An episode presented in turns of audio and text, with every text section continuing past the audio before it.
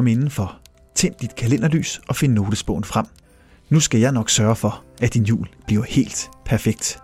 Velkommen til Daniels jul, mens vi venter. Dagene frem mod juleaften kan føles lange, og når man har klippet et græntræ eller tegnet et hjerte, så kan ventetiden fordrives med denne særlige Mens vi venter podcast-serie. Dagens kapitel handler om julemad, og sammen med Umut, som er ejer af guldkrogen, og som vel er lidt af en flæske konge, skal vi tale om julemåltid og få styr på alle tips og tricks, så man kommer levende igennem tilberedningen og serveringen af det store julemåltid.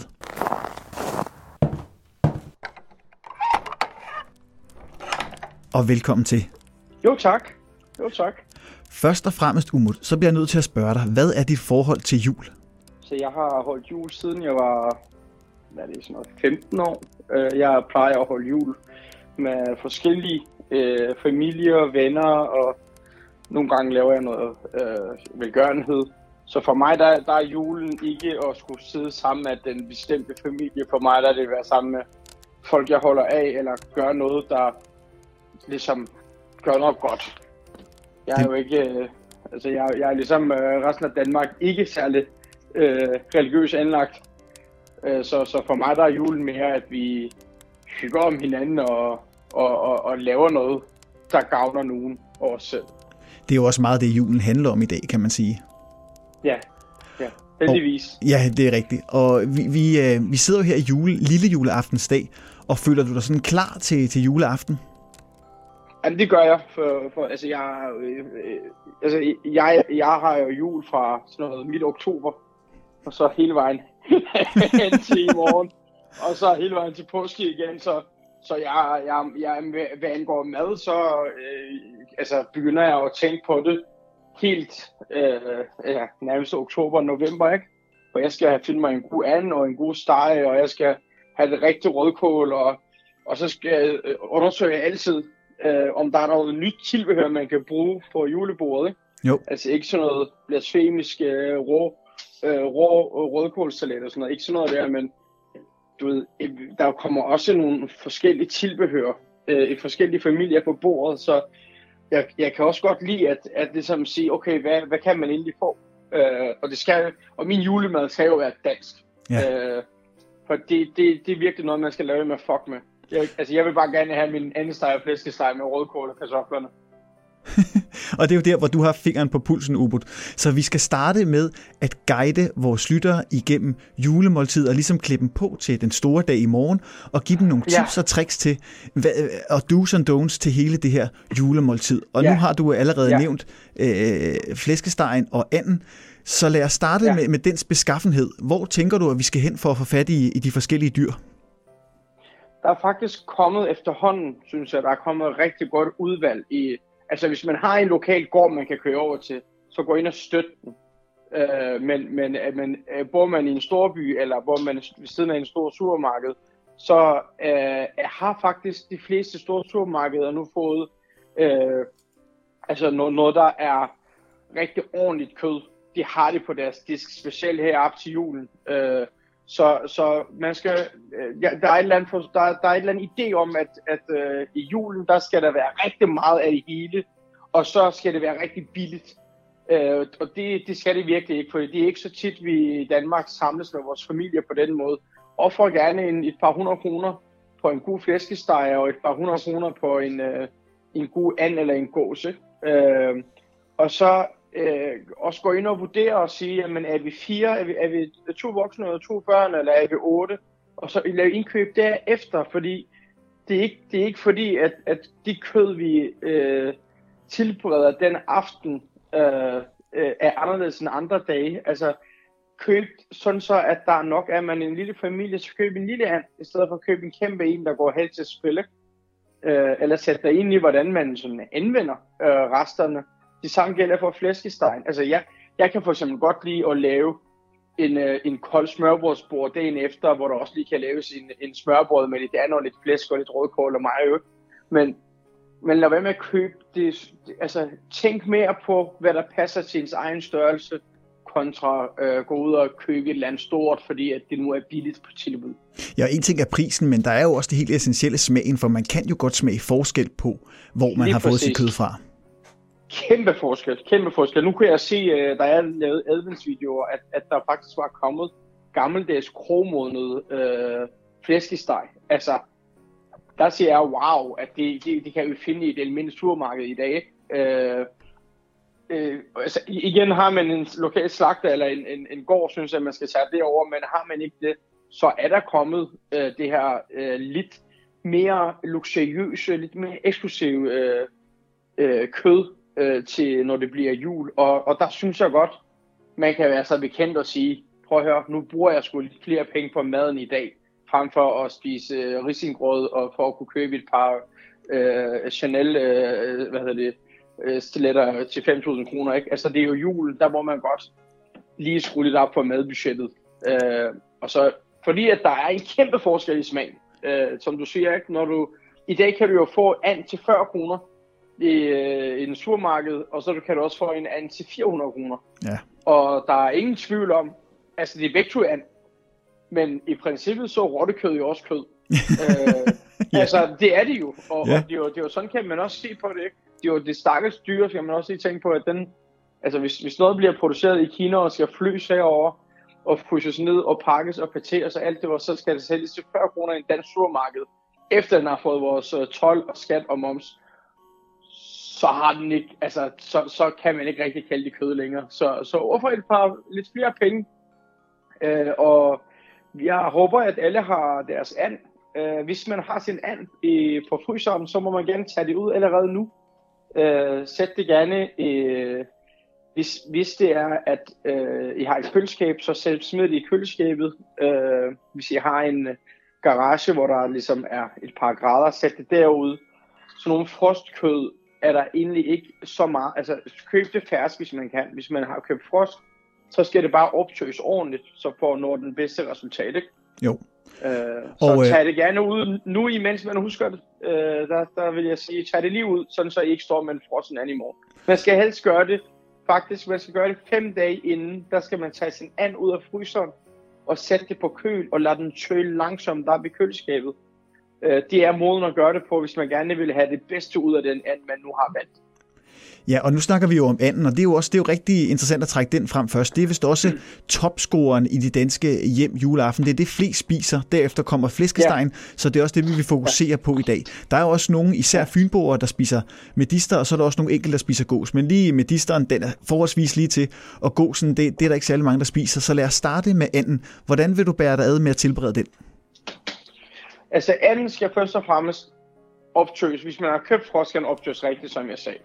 Øh, derefter, det, det jeg plejer at gøre, det er, at jeg, jeg er jo sådan en, der elsker at udforske andre madkulturer.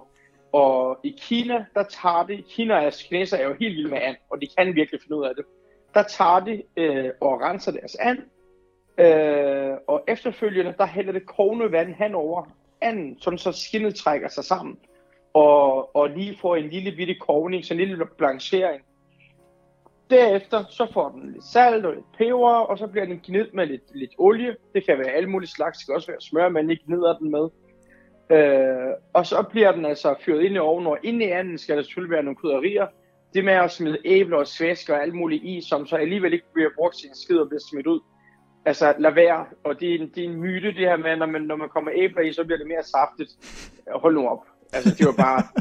jamen, det er bare en seriøs altså, kram krydderier i. Det forstår jeg godt med nogle aromatiske krydderier, der ligesom giver det en, en karakter.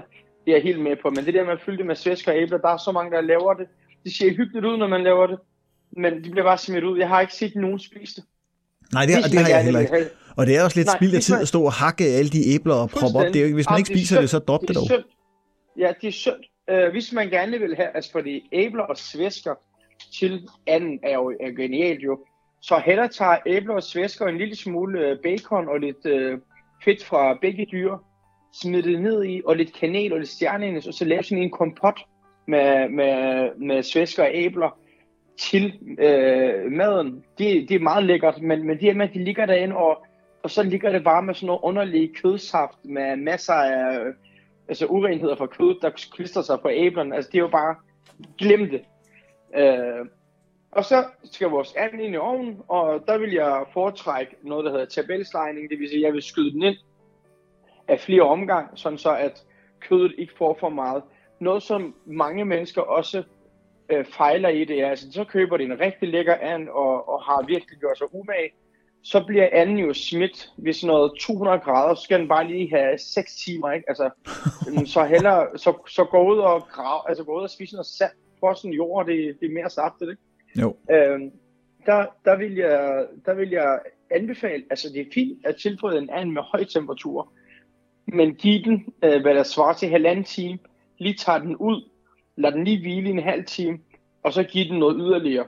Øh, fordi varmetilførselen i, i det her store stykke af kød, de, øh, der skal man tænke lidt mere taktisk, inden at stege en bøf. Øh, varmen kommer jo udefra, så ydersiden af kød bliver jo rigtig, rigtig varm, hvor indersiden er, er, er koldt og råt.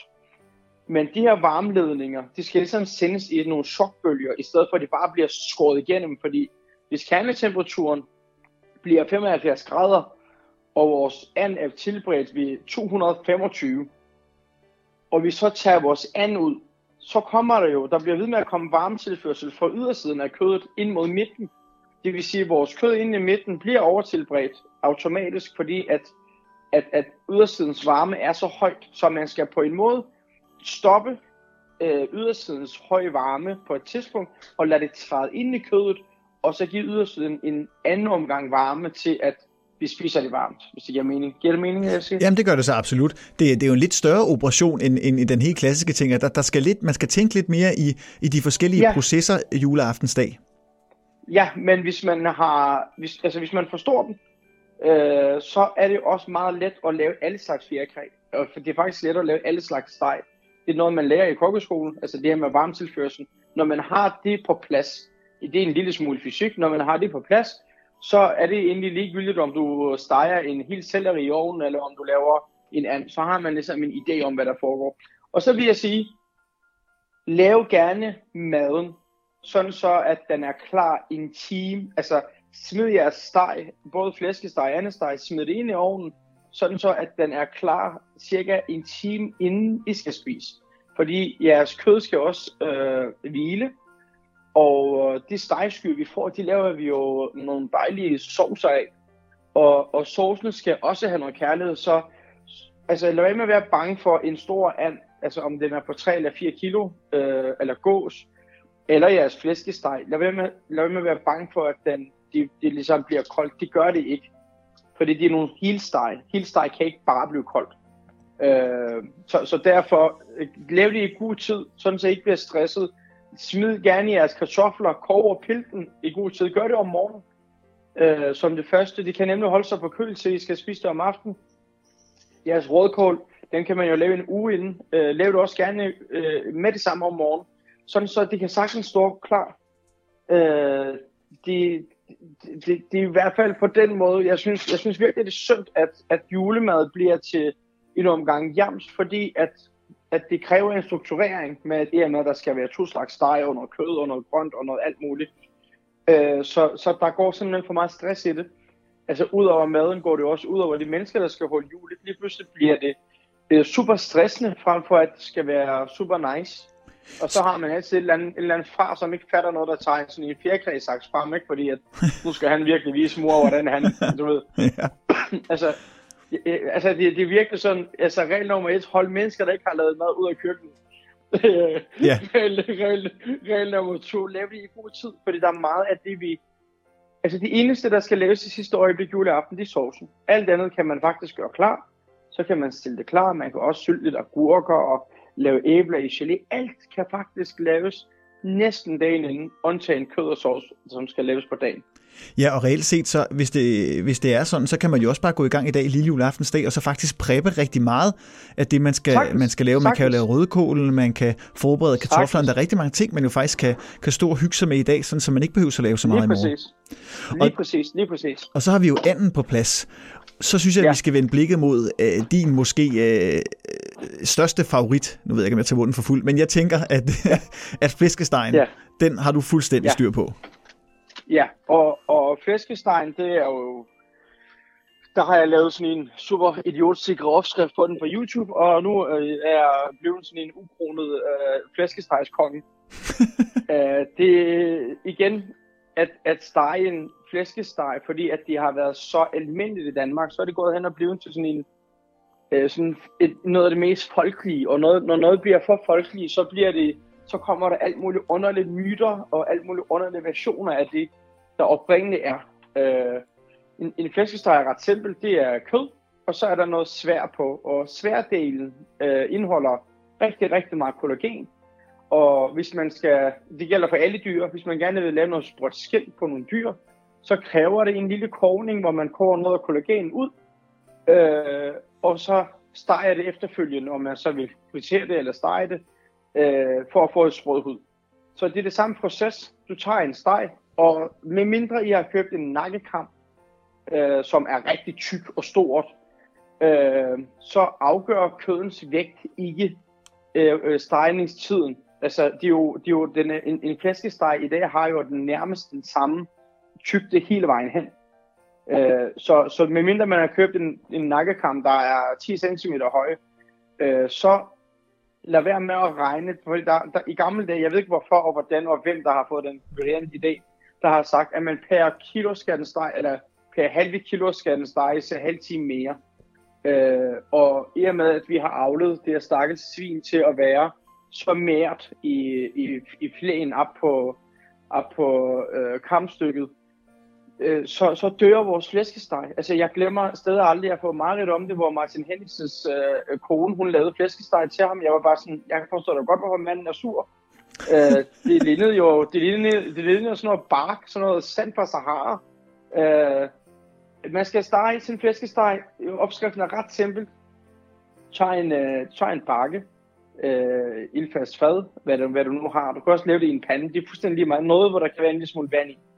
Så tager du og smider din øh, julekrydderier ned i vandet. Lidt salt. Så vender du sværsiden nedad. 20 minutter ind i ovnen ved 200 grader.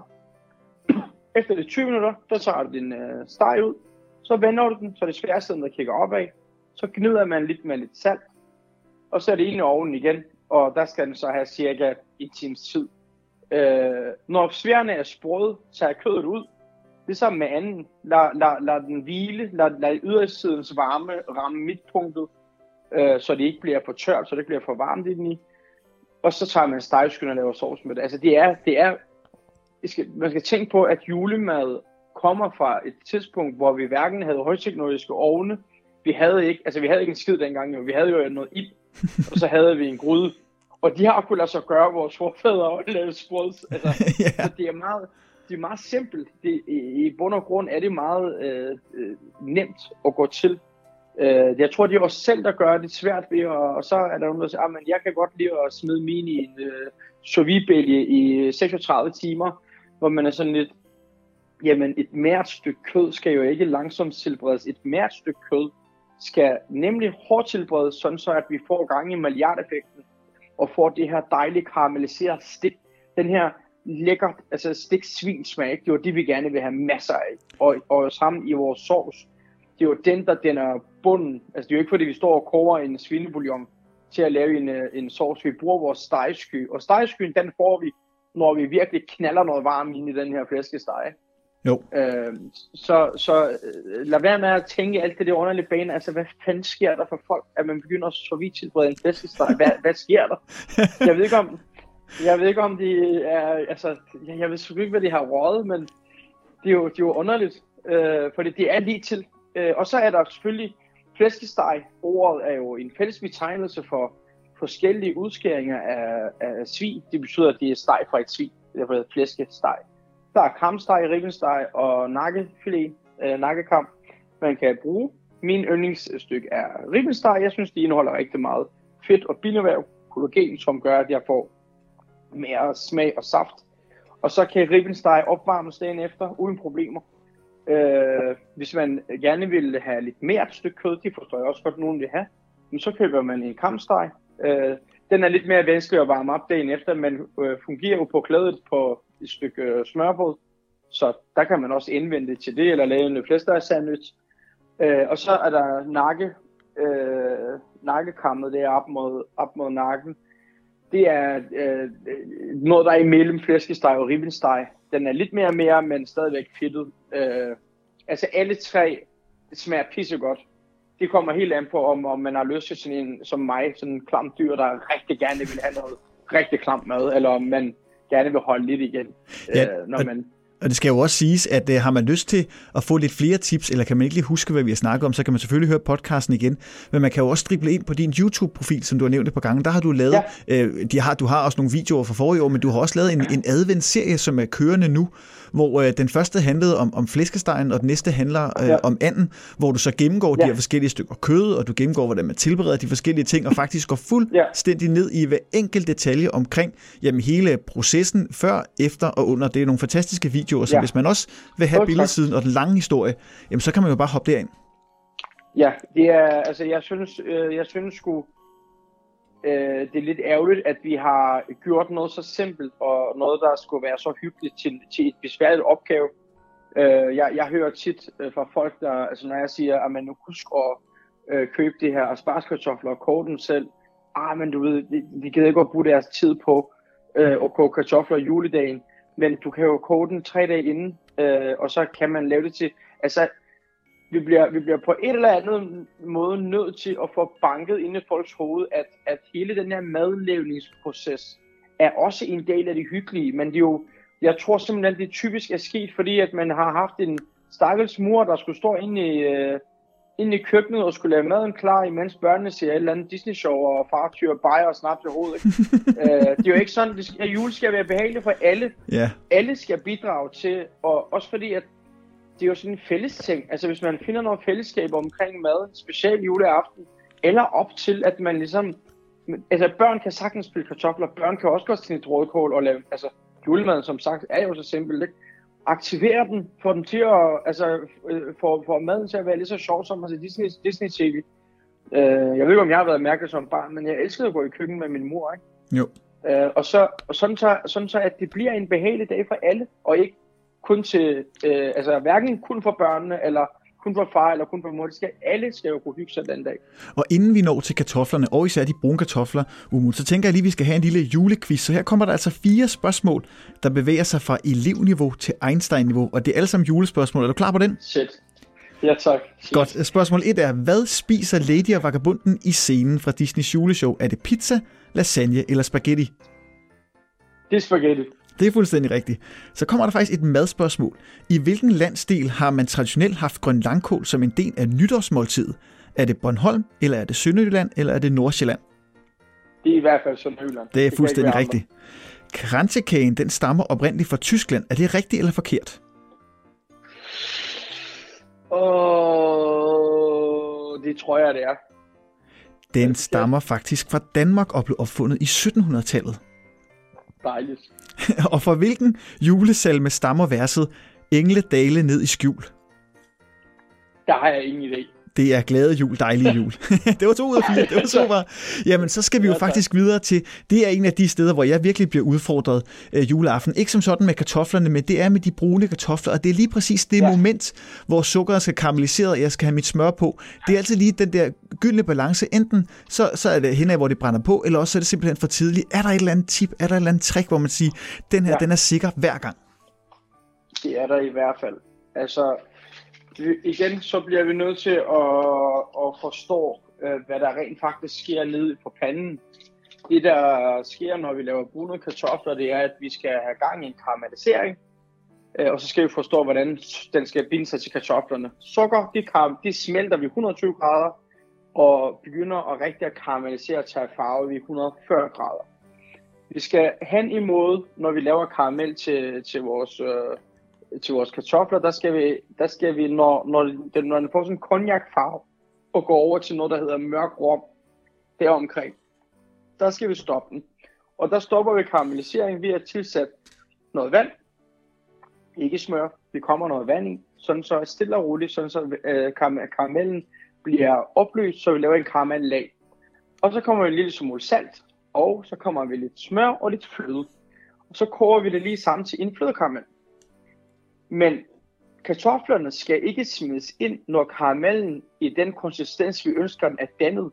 Kartoflerne skal smides ind, imens der ligger et karamellag. Det vil sige, imens det er meget flydende, så skal vores kartofler nemlig ind og koge, altså karamel skal koges ind i kartoflerne. Det, som typisk øh, bliver gjort, som gør, at folk fejler, det er, at man har en idé om, at jeg laver nogle karamel, så smider jeg kartoflerne ned i, så sætter det der karamel sig rundt om kartoflerne. De, de kan man desværre ikke, fordi at kartofler har en overflade, kartofler er våde, og karamellen, når den får nogle kolde kartofler på, jamen så stivner det, øh, og så står man der med sådan nogle, altså specielt altså folk, der bruger glaskartofler, ikke? Det skal virkelig stoppes, det skal forbydes, det skal, altså der vil jeg gerne øh, sige til børnenes statsminister, at hun godt må lige op, så de, de går simpelthen ikke.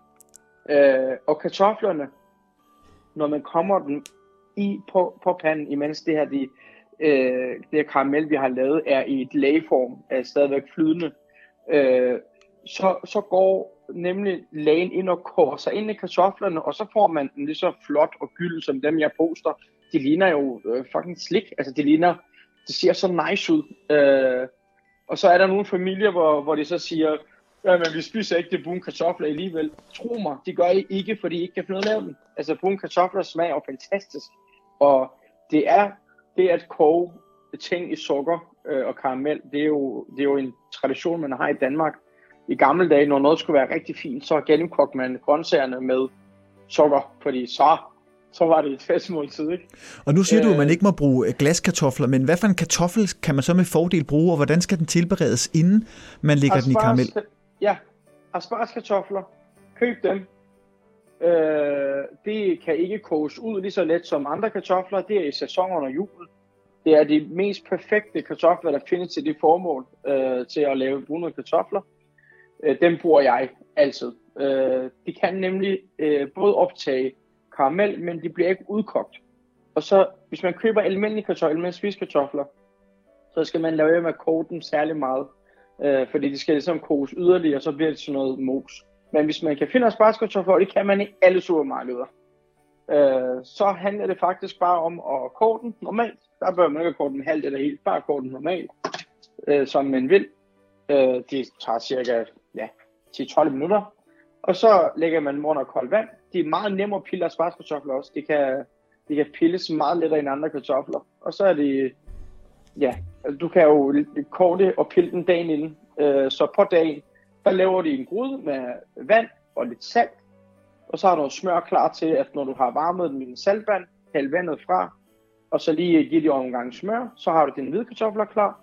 Og de brune kartofler, der tager du bare direkte smadret ned i den her lag, og lader det koge helt ind til sådan en tyk karamel, og så har du en brune kartofler. Og det er verdens letteste ting, og verdens lækreste ting. Det kræver blot, at man har forstået processen, og det kræver blot, at man har de rigtige kartofler.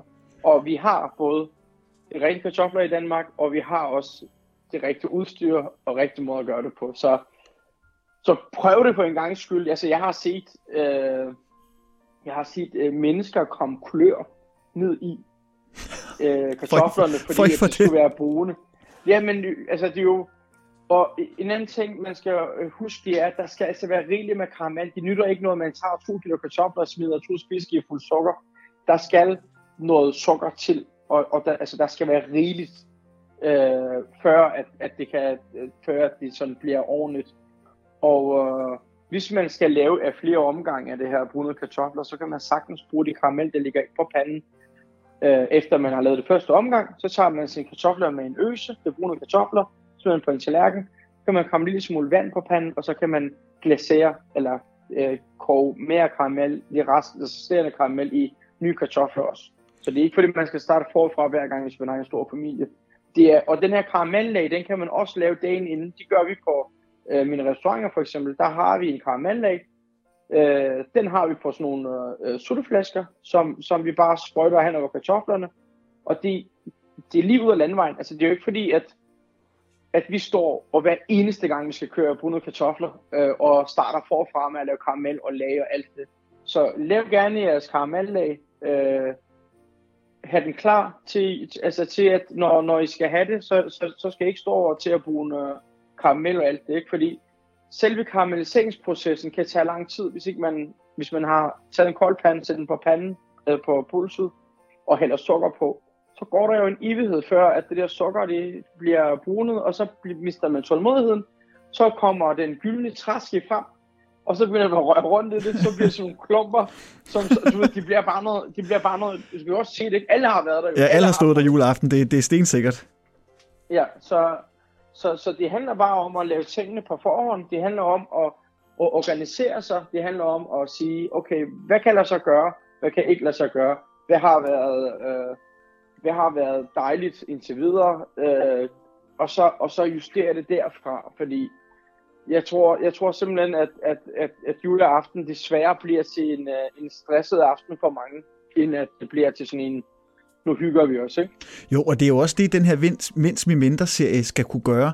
Jeg havde også tænkt mig at stille dig et spørgsmål om, øh, hvad vi kan, ellers kan fordrive ventetiden med frem mod jul. Men, men det behøves vi slet ikke tale om, fordi at man har rigeligt at, at give sig til uh, lille juleaftensdag med, med at præppe ja. noget af alt det her mad. Men så lad, os bevæge os, så lad os bevæge os videre, fordi nu fordømte du før uh, glaskartoflen, så jeg tænker også, at uh, rødkål på glas måske heller ikke vil vinde så stort indpas i din juleservering. Men hvad gør man så, hvis man vil kaste ud i at lave sin rødkål rødkål selv? Hvis øh, man skal lave sin egen rødkål, så skal man faktisk øh, bare købe sig en rødkål, lidt sukker, lidt eddike, hvis man har nogle rødvinsrester, stjernenis, øh, kanel, lille smule sort peber, laverbærblad, og en klat øh, smør eller lidt olie. Altså det er bare, det er vidderligt snit en rødkål, smid lidt i en gryde. Hæld noget øh, øh, lille smule rødvin, lidt eddike, lidt sukker og lidt øh, af de her krydderier, og så bare lade den koge. Den passer fuldstændig sig selv. Øh, og når kålen er mørt, ja, der er der også der rødkål. Det og, er, og, og hvor lang tid tror du cirka, den proces tager? Den, kan, den, den proces, altså selve hak og snit og sætte den over, det tager ikke mere end 10 minutter. Til gengæld så kan sådan en rødkål, der er kogt, den kan altså holde sig i 6 måneder på køle. Ja. Så altså, man kan nærmest leve i august måned og, og spise det til juleaften. Så, så, og det, hvis, hvis man bare for en gang skyld laver sin egen rødkål, så vil du aldrig nogensinde købe rødkål igen, fordi det man køber, øh, det er typisk meget sødt og mangler syre, og så er det sådan kogt helt ud. Så der er ikke noget, der er ikke noget sådan dejlig struktur i det. Øh, men men øh, altså smagsmæssigt kan det slet ikke sammenlignes. Det er ligesom at sammenligne en, en øh, knor øh, og en ægte mayonnaise. Det er, det, det er, er ikke det samme. vi overhovedet ikke. Altså, det er, og også fordi det er en let proces. Altså, et banæs kræver alligevel en del viden, ikke? men det gør en, uh, det gør en rødkål, rødkål virkelig ikke. Nej, og det man, og jo man også kan, kan med, det man jo også kan med rødkålen, ja. det er jo, at man kan, man kan måske boppe den op med en lille smule juleøl eller en lille smule rødvin, altså den man vil servere ja, ja. til julemaden senere. Ja, ja. På den måde kan man jo også blære sig det, man siger, at den her rødkål, den er altså øh, justeret fuldstændig til den servering, vi skal lave ja. nu, og det vi drikker, det er faktisk ja, ja. også i maden, og så kan man jo ligesom sidde der og, ja. og spille smart ved julebordet, ja, ja, ja. det er jo altid godt. Nej, men hvis man har lavet julemad efter mine anvisninger, øh, som, som ikke er noget, jeg har opfundet, jeg har bare øh, du ved, gravet mig dybt ned i nogle kogebøger. Og jo, og raffineret det har du også. Sige, ja, så, så, så kan man godt regne med, at øh, man får rigtig mange pluspoint hos sine svigerforældre og ens kæreste, ikke? Altså, man jo. er sikker på, at der, der kommer til at ske noget action den aften, og så sker der julemirakler lige pludselig. og så mangler, så mangler vi jo en ting, før at, at vi rammer, øh, ja, vi rammer øh, midten af skiven, og det er jo en af de ting, som har givet mange mødre og fædre sved på panden juleaften, og det er jo sovsen. Og den skal ja. vi jo også lige have styr på, fordi den er jo også meget vigtig. Ja. Jamen, altså, sovsen er jo igen, nu øh, bliver jeg pisse i jeg ved at sige, men det er også let, fordi at vi har jo et fantastisk øh, stegsky fra vores svin og fra vores and, eller alene af svin eller and. Altså bare stegsky fra noget dyr. Øh, det tager vi. Så tager vi noget fløde, og det er fløde 38. Jeg siger det her ikke for, for joke, det er ægte, man laver det på den måde. Du tager en liter fløde. Man skal regne med cirka 2,5-3 dl sauce per mand juleaften øh, hvis det er nogle, øh, altså det, det har man i andre landsdele. Er man over i Jylland, så er det lidt per mand, ikke? ja. øh, så er det... Heller for meget end for lidt. Så, ja, lige Men øh, igen, man kan spise det efter. Det ja. handler bare blot om at, at være god til at lige pakke det sammen. Så det, der er ikke noget fra julebordet, der ikke kan holde sig til dagen efter. Øh, ikke, altså, det er jo lækkert med noget frisk mad, men, men hvis det er, så har man til det, ikke? Mm. I tager en liter fløde, kog det op i en anden gryde, der hælder du øh, lidt rødvin, og jeg kan næsten give det som en opskrift. Øh, cirka en 4-5 dl rødvin, kog det ned til det halve, kom en liter fløde på, tag jeg stegsky, øh, fjern fedtet fra, og hælde, øh, hvad der er på den her bakke, og kom noget krone vand ned i bakken, også lige afkog det der er, sigte ned i sovsen igennem en pind, sigte det hele. Øh, og så koger I det op, og når det er kogt op, så laver jeg en øh, jævning, enten øh, med, med en opbagning, ligesom man vil lave med mel og smør, klaret smør, øh, eller så tager maizena, jeg anvender maizena, det er glutenfrit, og det er dejligt nemt, øh, og, og det, det er meget mere øh, sikkert, altså en, ikke fordi jeg ikke kan finde noget på en ro, men øh, derhjemme ville det være meget mere let, hvis ikke man har lavet sovs øh, på den måde. Øh, når emnet koger, når det her rødvin, fløde, sky, øh, grude, vi har, når den er op og koge, og når den bobler, så tager vi øh, cirka øh, 4 spidsgifuld maizena, kommer øh, en deciliter halvanden vand på og lige opløser det. Ned i sovsen, lad den tykne. Når den har tyknet, så kommer vi lidt, øh, lidt repsel i, og lidt, øh, lidt kulør øh, til at give noget farve. Og til sidst, så smager man lidt til med salt og lidt peber. Bam, så har du en sovs. Og så Det er har perfekt. du verdens bedste sovs. Altså, det er nemt, det er nemt, men det er jo fordi, igen, det bliver sådan en øh, folkeeje, og så skal man komme alt muligt underligt knip ned i den sovs, og, øh, og hvis man begynder at lave sin øh, steg på alle mulige underlige måder, så har du ikke stegskyen, så har du ikke noget til sovsen, så bruger man øh, sådan nogle bouillonterninger, ikke at der er noget galt med bouillonterning derhjemme, men du ved, vi har jo for helvede råvaren, vi har det hele, hvorfor ikke bare lave den, altså øh, få den dog i hus, ikke? Jo, det er, det er du fuldstændig ret i. Og så har vi jo faktisk alle elementerne på plads. Vi har kød, vi har kartofler, vi har brune kartofler, vi har rødkål og sovs. Og så nævnte du jo i starten, at du også gik lidt op i at det at finde nogle alternative ting at smette ind på julebordet. Ikke som sådan noget, ja. Der vil være blasfemi. Ikke sådan en, en, en rå øh, rødkålslag. Det var ikke det, du var ude i. Men, men hvad har du så Nej. af, af gjort der af tanker i år? Er der et eller andet, der havner på dit julebord, som vil være lidt anderledes, som måske kan tippe Altså- vores lytter om?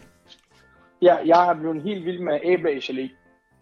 Øh, det, det er jo sådan en øh, gamle klassiker, som man er gået lidt væk fra. Man pocherer nogle æbler i, i noget vand, sukker og lidt vanilje, og så med og lidt salt, og så kommer man så øh, repgelé henover. Det smager fantastisk. Øh, og så kartoffelchips, fransk chips. Og øh, når man nævner det, så er der mange, der siger, at det skal være det helt billige fra supermarkedet. Der vil jeg sige, øh, prøv nu for en gang skyld. Øh, enten lave den selv, eller så køb nogle gode chips. Det smager ligesom alt andet i, i hele verden, så, så god øh, råvarer og god mad smager bare godt med andet god mad. Øh, chips er en uundgåelig ting på min julebord. Øh, en anden ting, jeg øh, laver nogle gange, det er faktisk brune kartofler i svøb. Der tager jeg, øh, der tager jeg øh, de aspargeskartofler, der er som lang nok. Der er nogle andre, der er længere end andre. Sorterer det langt fra, og så vikler jeg bacon rundt om med to tændstikker. Ligesom når man laver øh, dadler med bacon. Ja. Øh, dadler i svøb, ikke? Jo. Så svøber man, øh, så svøber man de her kartofler, og lige så snart de så er blevet øh, søbt og bagt lidt ind i ovnen, så smider jeg dem ned i de andre kartofler, jeg har på min pande, øh, brune kartofler. Så giver det sådan en lille smule røget smag, og så det, det brune kartofler med bacon rundt om, det smager for os. Altså for rygende, det er, det er, det er virkelig out of this world. Så jeg prøver også selv på sådan lidt udvikle nogle øh, jule, øh, hvad kan man sige, tilbehør. Ja. Og sennep og syltede agurker er også rigtig, rigtig godt. Øh, noget, noget surt til så fed mad er jo altid godt, ikke? Jo, det er Øh, skønt. Og, og så skifter jeg sådan meget imellem, hvad jeg drikker, om det skal være... Den ene jul kan jeg vildt godt lide at have en god IPA til min julemad. Øh, den anden kan det være, at jeg godt kan lide rødvin. Jeg synes, rødvin kan tit være svært, og det kan blive for tungt. Ja. Hvor sådan en dejlig, læskende, iskold øl, øh, altså hvis man bare går ned og køber lidt forskelligt, i stedet for at købe øh, samme gange tre kasser, ikke? Jo. Så, så der er også ligesom lidt variation undervejs, at, at man kan have noget, der er let, og noget, der er lidt mere mørkt, noget, der er lidt mere øh, bittert, så, så det ligesom kan være et, som, som, så, så det også, det man drikker til, kan også være en oplevelse ved siden af. Så, Jo, og der findes jo et hav af, jeg er selv fortaler for, at man drikker juleøl til maden. Ikke nødvendigvis et, ikke discountudgave, men man også går rundt og finder de der særprægede juleøl, ja. Der er efterhånden så mange, finder, vælger nogle lækre Ja. ud og siger, at de her, de skal passe til, til, til aperitifen, og det her, det skal være, når, når vi får, Ja. det er flæskestegsøllen, det er andeølen, og det her, det er risalamangsøllen, ja. Ja. og så har man ligesom styr på det hele. Ja. Jamen, der, der er meget, altså der, er- igen, det er fortænkt, det er jo bare at komme en lille smule ud af sine egne rutiner, og hvad det er, der er blevet lært en, fordi, altså, man kan jo ikke, selvfølgelig, hvis man har lyst til at spise råkålssalat, så råkålssalat i, i, med rå rødkål, så skal man lade være med at holde jule. Nej, det siger jeg ikke, men, men der kan selvfølgelig, altså, øh, på det du nævner med medister for eksempel, ikke? Jeg, jeg skal have, der skal altid være plads til medister på julebordet, og man kan, jo, man kan jo sagtens bygge på. Det handler jo om, i bund og grund, det skal man altså huske, i bund og grund så handler det om, det er, det er en dag, man har med sin familie eller sine venner, med nogle mennesker, man elsker. Altså bruge dagen til at hygge jer og, og lave noget sammen, frem for at bruge den til, at, at der er en, der er stresset og er ved at dø, og så er der tre sådan dogne hunde, der ligger på hjørnet og ikke gider at give en hånd og sådan noget. Jo. Øh, fordi jul skal virkelig være behageligt for alle, ellers så, ellers så bliver det sgu ikke. Altså, øh, alle skal få lov til at holde den den dag, hvor det skal holdes, frem for at det er en, der arbejder og tre, der ligger. Øh, ja, det, det er sådan set det, jeg har at sige til jul. Jamen, det er jo også det er jo perfekt, Umut. Så hvis vi skal opsummere, så har vi jo fået styr på det hele. Altså, køb en ordentlig øh, flæskesteg og en ordentlig and. Find den en, hos en slagter eller øh, på en gård i nærheden, ellers så gå i hvert fald efter kvalitet i supermarkedet. Og tilberedningen, den har vi styr på. De brunede kartofler øh, og de almindelige kartofler, der skal vi have fat i aspargeskartoflerne. Og, og gør nu lidt umage med den karamel. Tilsæt de rigtige ting og gør det på de rigtige tidspunkter og lav det i forvejen, ligesom rødkålen, hvor, som også sagtens kan startes op i god tid. Og sovsen kræver egentlig heller ikke så meget andet, end hvad man egentlig står og har. Øh, sin stegesky og øh, noget god fløde og noget rødvin, og så er man egentlig nået rigtig langt i alle de her forskellige processer. Og så kan man jo smide nogle forskellige ting ind, hvis man har lyst til det. Og så tror jeg egentlig, vi har været rundt om, øh, om hele julemåltidet. Jeg tænker, risalamangen, den er der ikke den store grund til at runde, for det tænker jeg, at de fleste efterhånden har styr på. Der er jo heller ikke så mange ben i den umiddelbart. Nej, ellers så kan man gå ind og se den på YouTube. Ikke? Jo, det er nemlig det, man kan. Det er- skal vi så ikke runde af med en lille afsluttende julequiz? Ja, tak. igen. Altså, de er samme, efter samme opskrift som sidst. Hvad hedder julekalenderen, som Anders Mattesen, øh, hvor Anders Mattesen spiller de fleste roller? Er det jul på Vesterbro? Er det Andens jul? Eller er det Anders jul? Jul på Vesterbro. Det er min rigtigt. yndlings. Jamen, den er også god. Den er fra 2003. Så kommer næste spørgsmål. Hvilken litterær periode forbinder man ofte med Peters jul, der udkom i 1866? Er det ekspressionisme, er det symbolisme, eller er det Biedermeier? Den er svær. Ja, egentlig, jeg tager den første. det er, det er seeren, det er Biedermeier. Så kommer en her, Jo. du måske kender. Jeg har lige set, du har lagt et billede op af æbleskiver på din Instagram, nemlig. I en almindelig rund æbleskivepande er der plads til 12 æbleskiver. Er det fup, eller er det rigtigt? Øh, det er fup. Det er fuldstændig der er, rigtigt. Der er, der er rigtig mange forskellige slags. Ja, men det er rigtigt. Det Normalt set, der står her, sædvanligvis er der plads til 7, så du har ret. 12, det er der altså ikke plads til. Og så kommer der et sidste spørgsmål, også om mad. Hvad spiser man i de angelsaksiske lande i stedet for juleand? Altså de engelsksprogede lande, vil jeg tænke, de mener. Der spiser man kalkun. Det er fuldstændig rigtigt. Det er rigtigt, fordi, fordi vi i, det er meget mærkeligt, men i Tyrkiet, der øh, holder vi også jul, men vi holder totalt weird, men vi holder nytårsaften. Der pynter man juletræ, giver hinanden gaver og øh, pynter op. Altså ligesom med julemanden og hele muligheden. Og så spiser man også kalkun, fordi at det er noget, vi... Jeg ved ikke, hvordan det for helvede er kommet ind. Men det er noget, vi har importeret fra, fra, hvad hedder det, fra England. Øh, Ja, og så spiller man hvad hedder det, julebingo øh, nytårsaften, og man kalder det jul. Det er så underligt. Ja, men, Men, men, øh, men så er der jo også et råd til, hvis man heller ikke ved, hvad man skal øh, få dagen til at gå. Men så kan man jo også spille noget julebingo, og måske lade sig inspirere lidt af den øh, tyrkiske øh, julenytårsfest, måske. Det var, det var, det var meget sjovt. Det, det, gjorde, det gjorde vi altid. Så sammen som en familie og spiller julebingo. Det er jo griner. Altså, Ja, ja, det er jo lidt det er lidt eller pakkelej. Det er ligesom pakkelej, ikke? Altså, Jo. Og, og, og jeg vil sige en ting, når jeg bliver inviteret til sådan noget pakkelej og bingo og sådan noget, jeg kan slet ikke være i mig selv. Altså, jeg er pisse ligeglad om det er en, det er en 6-årig barn, eller det er en 80-årig dame. Jeg skal bare vinde de gaver, og jeg er ligeglad med, hvad gaverne er. Jeg skal bare have det pakker med hjem. Og det er jo skønt. Det, jeg kender det, jeg kender det.